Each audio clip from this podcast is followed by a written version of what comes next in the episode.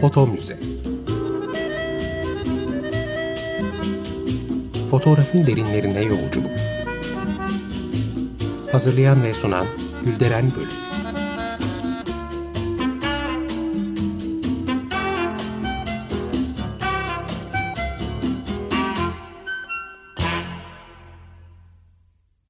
Merhaba değerli dinleyiciler, fotoğraf tarihçiniz ben Gülderen Bölük. Yeni bir foto müzede yine birlikteyiz. Ee, öncelikle yine program destekçimize teşekkür ederek başlamak istiyorum. Sayın Nilüfer Öztürk'e sağ olsunlar. Ee, bugün programda çok yönlü bir konuğum var. Yapımcı, yönetmen, senarist, müzisyen ve daha bir dolu şey Nihan Belgin. Hoş geldiniz. Hoş bulduk, teşekkür ederim. Ben teşekkür ederim kabul ettiğiniz için. Ee, Nihan Belgin'le Karanlık Kutu'nun Doğu Serüveni adlı e, son belgesel filmi üstüne konuşacağız. E, benim de konuşmacı olduğum küçük bir parçası olduğum e, bu filmde başka konuşmacılar da var. E, Nihan'ın yeri geldikçe onlardan da bahsedecektir. Aynı zamanda fotoğraf dünyasına ait belli portrelerin de yer aldığı önemli olayların yeniden canlandırıldığı kurmaca sahneler de var. E, film e, yakın tarihte Boğaziçi Film Festivali'nde e, görücüye çıktı ve daha da çıkacak önümüzdeki süreçte. Ee, nasıl geçti, ilgi nasıldı bunları konuşacağız. Ama ben öncelikle sormak istiyorum. Fotoğrafla ilgili bir belgesel yapmak nereden aklınıza geldi? Bu fikir nasıl doğdu? Bu soruyla başlayalım. Hı hı. Aslında yani bu benim e, hayatıma yayılmış bir süreç diyebilirim. E, ben çok küçük yaşlarda sinemaya ilgi duyduğum zaman yani şu anki yaptığım mesleğime e, ilgi duymaya başlamıştım. Çünkü benim annem de yönetmen, babam da aktör. Hani çok zaten gözümün önünde bir şeydi bu. E, ya yani 4-5 yaşlarımda ben hani benim oyuncaklarımdan biri de kameraydı e, oyuncaklarımla filmler çekerek başladım aslında. E, ama daha sonraki yıllarda da e, zaten sinema ve fotoğraf da çok iç içe olduğu için belki bilmiyorum. Tam da hatırlamıyorum ama bir 12-13 yaşlarımda fotoğrafa karşı da bir ilgi duymaya başladım. E, elbette benim çocukluğumda hani analog fotoğraf çekiliyordu e, ama otomatik makinalarla çekiyordu herkes. Elimizde otomatik flashlı makineler vardı. E, ben ilgi duyduğum zaman bir Zenit manuel fotoğraf makinesi edinip biraz böyle siyah beyaz fotoğraflar çekmeye başlamıştım. E, bir karanlık oda kurma hayalim de vardı aslında ama hiçbir zaman gerçekleştiremedim. E, fotoğrafla hani ilk belki en böyle yakın ilişkim orada başladı diyebilirim. Biraz daha fotoğrafı anlamak, tekniğiyle ilgilenmek vesaire gibi. E, daha sonraki yıllara geldiğimde de e, beni fotoğrafla ilgili e, çok etkileyen bir şey aslında ben e, mesela sahaf gezmeyi çok severim ve hani bilirsiniz o sahaflarda böyle kutuların içinde e, bir sürü eski çoğu siyah beyaz olan fotoğraflar vardır. E, her sahaf gezimde böyle birazcık bakarım o fotoğraflara. Bazen de çok bakmak istemem ama. Çünkü o fotoğrafları yani elime aldığımda böyle çok tuhaf duygular hissettirir bana o fotoğraflar. Yani muhtemelen şu an hayatta olmayan insanların hiç izni olmadan o fotoğraflar orada. Ve hani belki biraz suçlulukla o fotoğraflara bakarım işte onların o kokusu vesaire. Ee, yani o çok beni etkileyen bir şeydir. Hayat ne garip işte bu insanların fotoğrafları şu an burada gibi. Ve onu elime almak o fotoğrafları bana bir e, duygu hissettirir. Ama mesela bugün günümüzde artık e, fotoğrafa dokunamıyoruz, hissedemiyoruz. Dijital olarak fotoğrafa bakıyoruz. E, aslında işte bütün ben bu puzzle'ı birleştirdiğimde bir şekilde e, Karanlık Kutu'nun doğu serüveni ortaya çıktı diyebilirim özetle. E, böyle gelişti Harika. proje. Filmin senaryosunu da siz yazdınız. Senaryonun hazırlık e, aşamasında araştırma yaparken ve akabinde de kaleme alırken Karşılaştığınız zorluklar, dikkat ettiğiniz hususlar neler? Ben biraz bu hazırlık aşamasını ıı, sizden dinlemek istiyorum. Fotoğrafçılık bağlamında soruyorum ama genel olarak bir e, belgesele hazırlanmak anlamında da siz cevap verebilirsiniz. Tabii ki. Yani ben dediğim gibi bütün bu biraz e, duygusal e, işte yaşadıklarım üzerinden yola çıktım ama daha sonra elbette e, yani fotoğrafın icadı nasıl olmuş? Zaten öyle bir kurguyla hani icadından işte günümüze kadar getirmek istediğim bir kurgu oluşuyordu yavaş yavaş kafamda. E, bununla ilgili de tabii bayağı bir araştırma yapmam gerekiyordu. E, elbette hani internetten de bir sürü araştırmalar yaptım. E, Engin Özendes'in kitabından çok yararlandım özellikle Osmanlı tarafı için. İcadı ile ilgili de bilgiler içeriyordu ama e, bu bizim coğrafyamızla ilgili olan kısım yani Engin Özendes'in kitabı bayağı bana yardım etti o konuda.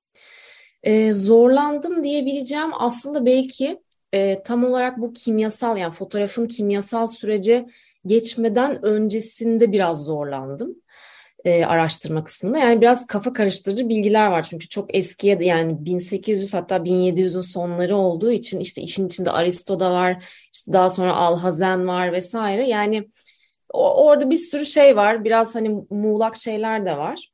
E, onları bir önce kendim algılayıp ondan sonra da hani nasıl kafa karıştırmadan e, anlatırım konusu belki beni en çok zorlamış olabilir şimdi dönüp düşündüğümde. E, bununla ilgili tabii ki birçok kaynaktan araştırıp e, en çok gördüğüm ve evet bu galiba böyle dediğim e, bilgileri bir şekilde senaryoya aktarmaya çalıştım. Bir de yani bilgiler var ama bir de orada bir film kurgusu var vesaire gibi bir durum vardı. Bununla harmanlamaya çalıştım. Ha, bu konuda tabii ki Kamil Fırat bir yandan da bana çok yardımcı oldu. Benim bütün böyle soru işaretleri varken kafamda ben senaryonun ilk draftını onunla paylaşmıştım. Onunla bir toplantı yaptık. Bazı böyle kafamda oturmayan şeyleri onunla konuşarak çok daha yerine oturttum aslında. Ee, evet senaryo süreci böyle gelişti bir yandan belki bir zorluk da şeydi yani tabii ki böyle e, daha çok bugüne kadar ben drama işler yani fiksiyon işler yaptığım için muhakkak böyle drama sahnelerin olmasını yani hep onları da hayal ediyordum. Yani niye hepsi okurken mesela aa niye hani o sahneyi çekmeliyim hem günümüzden o güne bakmak o günün belki sessizliği onun odasında tek başına çalışması vesaire bunları da hayal ediyordum ama hani kurgu ve bu dokümenter anlatım nasıl iç içe geçecekti vesaire. Bunları böyle kurmak, hayal etmek biraz zordu. Çünkü ilk defa da bir dökü drama yaptım aslında. Ama nihayetinde işte böyle bir film ortaya çıktı. Elinize sağlık. Şimdi aslında bu sorum da e, az önceki soruyla biraz bağlantılı. Şimdi e, fotoğraf çok katmanlı bir yapı gerçekten de zor bir konu. Ee, bir yandan kimyasal, bir yandan teknik gelişmeler var, bir yandan sanatsal gelişmeler var. Öte yandan e, bir basın fotoğrafçılığı dediğimiz bir şey var. Fotoğrafın e, çoğaltılabilir yapısının dünyaya etkisi var. Bir sürü şey var. Yani fotoğraf öyle e, tek katmanda ele alınacak bir konu değil ve çok zor bir konu. Burada size bunu soruyorum. Yani e, kullandığınız fotoğraflardan alt başlıklara hatta konuklara kadar bir seçki yapıyorsunuz siz e, ve bazı şeyleri de tabii otomatikman dışarıda bırakıyorsunuz.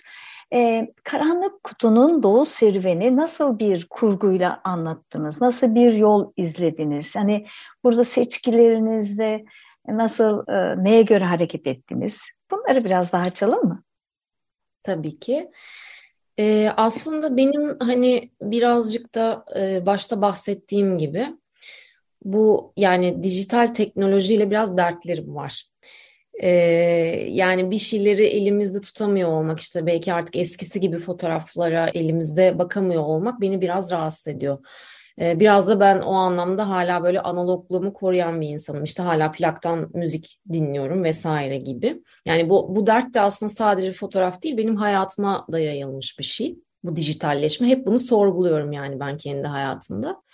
Ee, o yüzden de ben her ne kadar işin en başına gitsem de bütün e, Osmanlı tarihindeki birçok şeye e, değinmek istesem de hep bugünden bir bakış sunmaya çalıştım. Bugünden bakmak istedim. Çünkü bir yandan hani her saniyemiz fotoğrafla geçiyor günümüzde ve bunu belki hiç düşünmüyoruz bile. Bir, biraz bir durup belki bir sorgulamak istedim.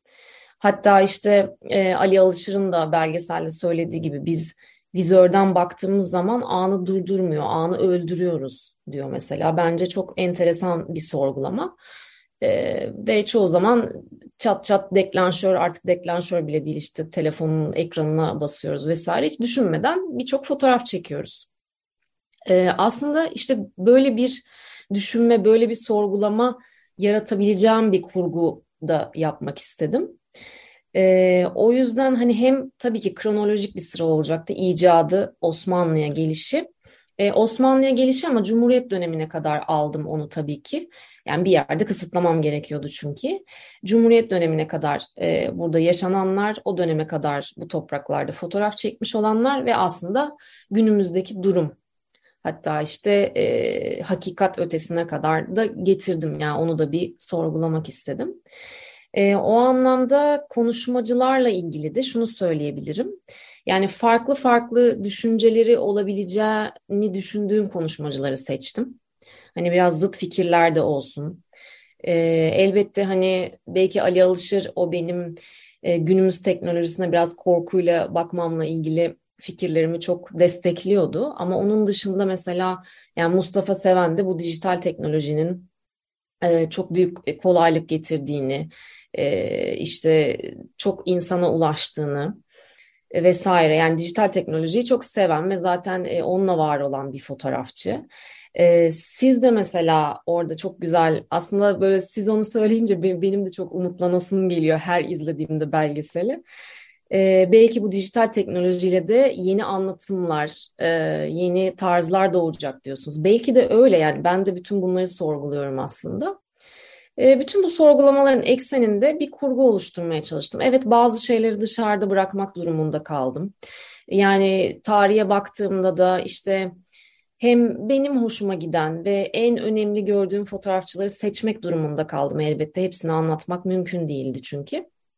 Bu şekilde de bir e, kurgu oluşturdum diyebilirim. Harika.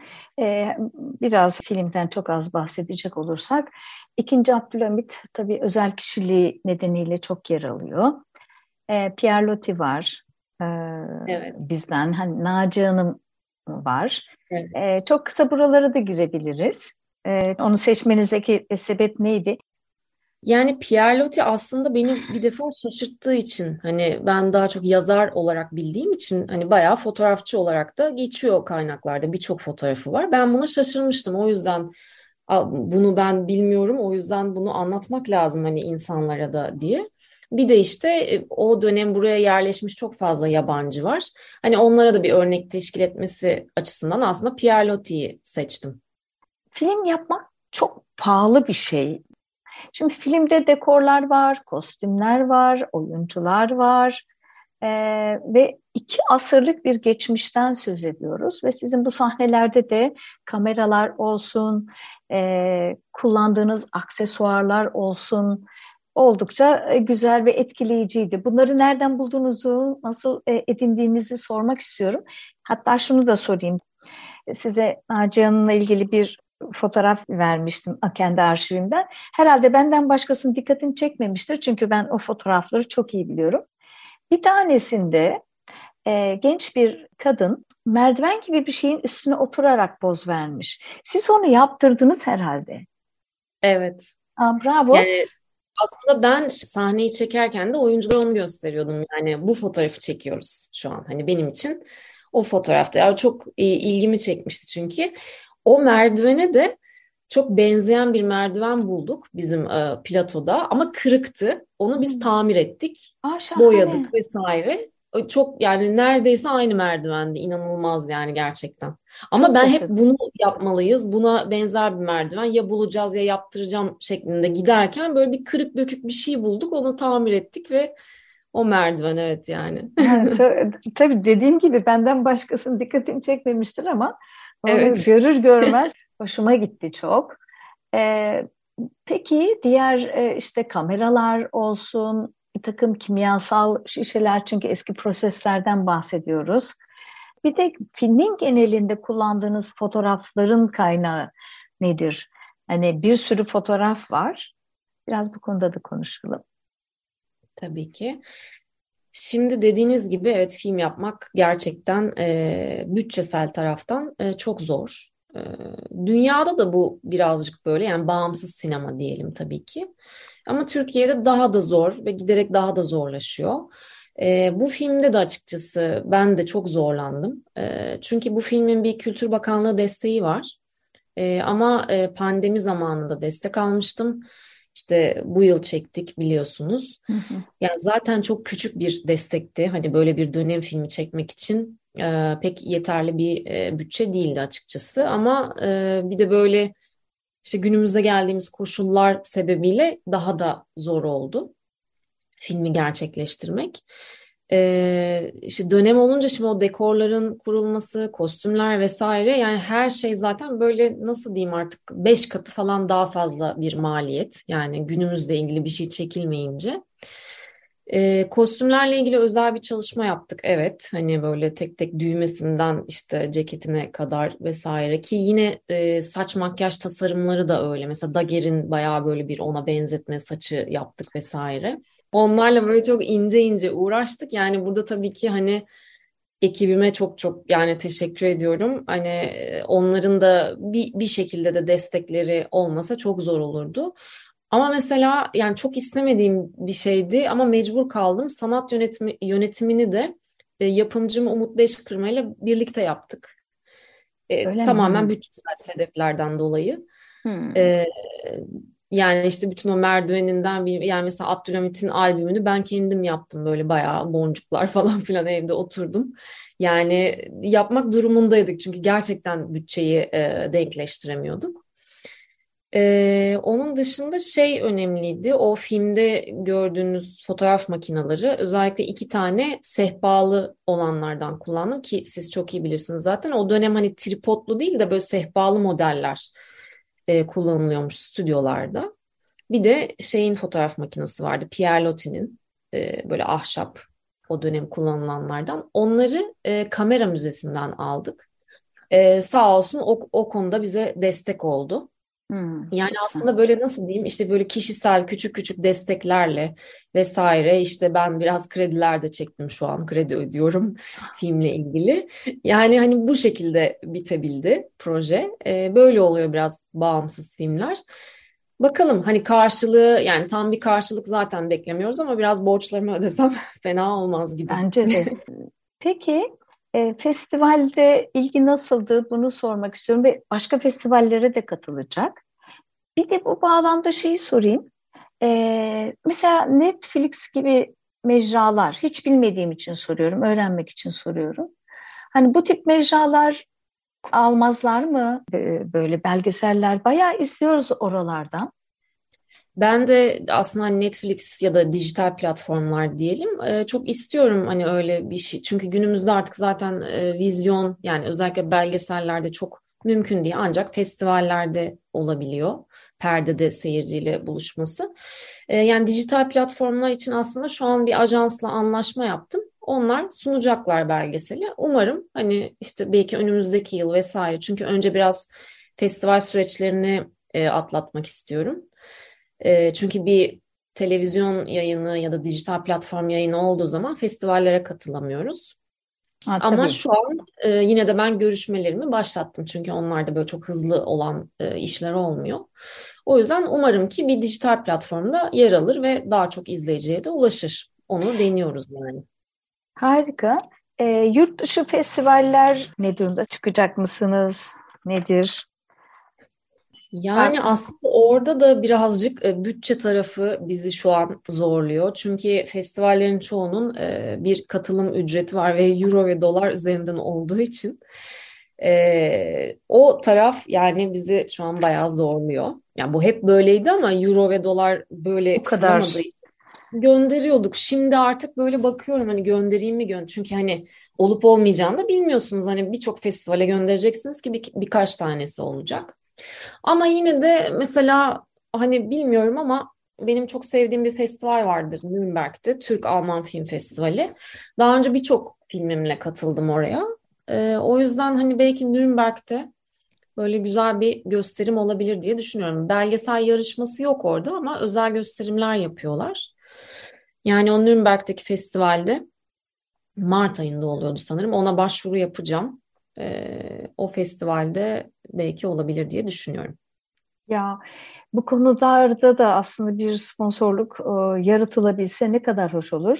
Siz 2010 evet. yılında Fırça e, Darbesi adlı kısa filminizle e, Patras Film Festivali'nde İnsan Hakları Özel Ödülüne e, layık görünmüştü. Güzel çalışmalarınız var, başarılı çalışmalarınız var e, bizim Türkiye'de. Bu tip uğraşların bir karşılığının alınamaması yani bir e, kıraç bir e, toprak haline gelmeye başlıyoruz ki bu çok üzücü.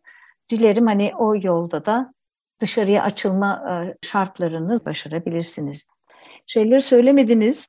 E, bu kimyasal şişeler, işte orada kullanılan şeyler hep bunlar sizin e, koleksiyonerlerden topladığınız e, şeyler mi ya da sizin kendi birikimleriniz mi? E, bunlardan da biraz bahsedelim mi? Evet doğru onu atladım ben. E, yani aslında şöyle işte bizim o e, çalıştığımız plato aynı zamanda da böyle sanat malzemeleri de olan bir platoydu dediğim gibi hani sanat yönetiminin de biz yapmak durumunda kaldık. O yüzden ben o platoya gidip gelip böyle benim işte e, stajyer e, öğrencilerim vardı vesaire. Onlarla böyle e, bir dehlizin içinde küçük küçük şişeler şunlar işte ne bileyim ecza dolabı gibi bir şey var. İşte oradan o şişeleri alıyoruz, buluyoruz falan. Ama bir dehlizden bütün o malzemeleri bulduk, çıkardık. Çok enteresan şeyleri bambaşka şeylere dönüştürdük.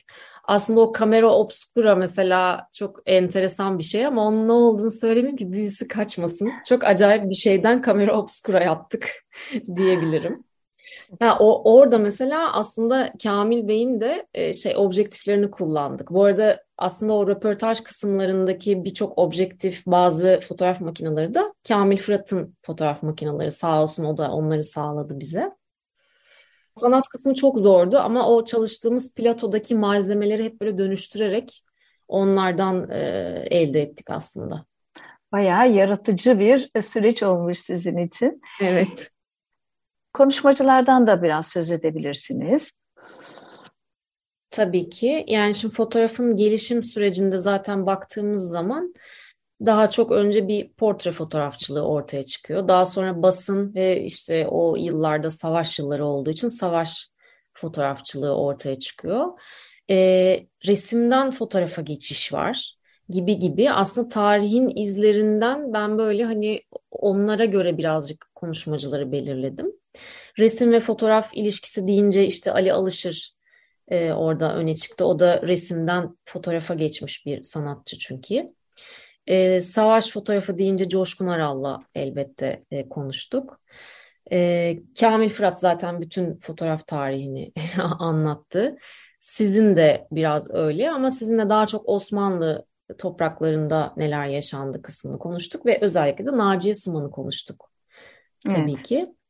E, bir de hani bu bağlamda e, elbette sizin gibi çok değerli isimler vardı ama ben şey de istedim yani biraz daha bizim jenerasyonumuza da yakın, biraz daha genç bir bakışta e, olmasını istediğim için de yine e, Aydın Bilgin vardı e, bir fotoğraf sanatçısı. Onun da e, görüşleri var filmde.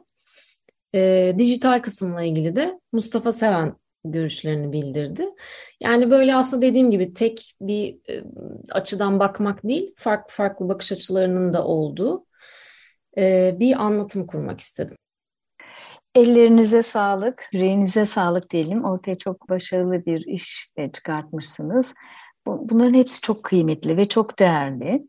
Bizde de bu tip filmlere biraz daha desteğin artmasını ümit ediyorum. Tekrar emeği geçenleri ben buradan e, bir kez de okumak istiyorum. E, yapımda e, siz e, Umut Beşkırma ile birlikte e, e, yapımcılığı üstlendiniz. Görüntü yönetmenimiz Semih Kababulut. E, müzik evet. Yiğit Keven. Oyuncularımızı Hı-hı. da analım. Tarık Şerbetçioğlu, Tankut Yıldız, Gözde Çetiner, Umut Başkırma. Evet, konuşmacıları da sizden dinledik. Ee, Nihan Hanım programımızın da sonuna geldik. Evinize sağlık diyorum. Programımıza katıldığınız için çok teşekkür ediyorum. Çok teşekkür ederim. Ve ba- ben baş... daha önce dinlediğim Hı. bir programa konuk olduğum için ayrıca çok mutluyum. Çok sağ olun.